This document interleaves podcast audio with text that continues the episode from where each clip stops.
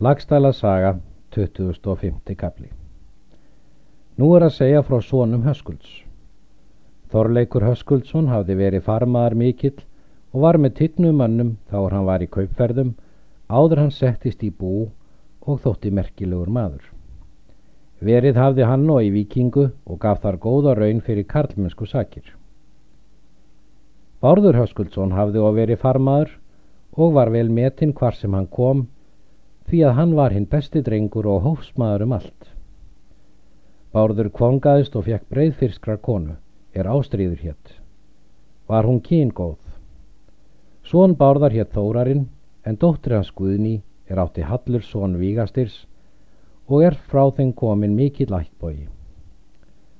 Hrútur Herjólfsson gaf frelsi þræli sínum þeim er Rólfur hétt og þar með fjárhlut nokkurn og bústað að landamæri þeirra höskulds og lágu svo nær landamerkin að þeim hrítlingum hafði yfir skotist um þetta og höfðu þeir settan lausingjan í land höskulds.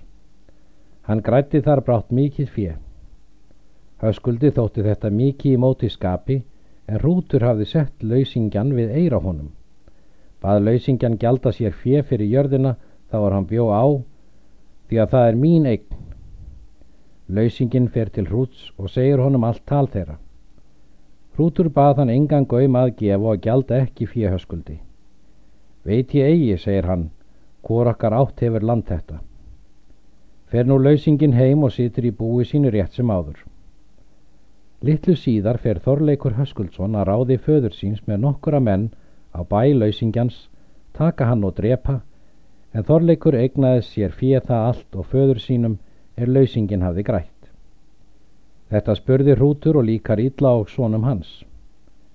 Þeir voru margir þroskaður og þótti sá frændbolkur óárennilegur.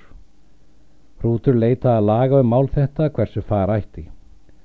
Og er þetta mál var rannsakað af lögmónum, þá gekk þeim hrúti líkt í hag og mátu menn það mikil sér hrútur hafði sett lausingja nýður á óleiðri jörð höskulds og hafði hann grætt þar fíja.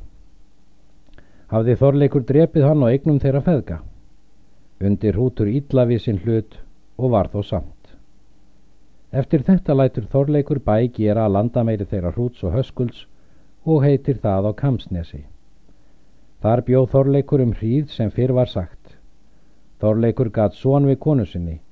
Sá sveitn var vatni auðsin og nafngefið og kallar Bodli. Var hann hinn vænlegasti maður snemma.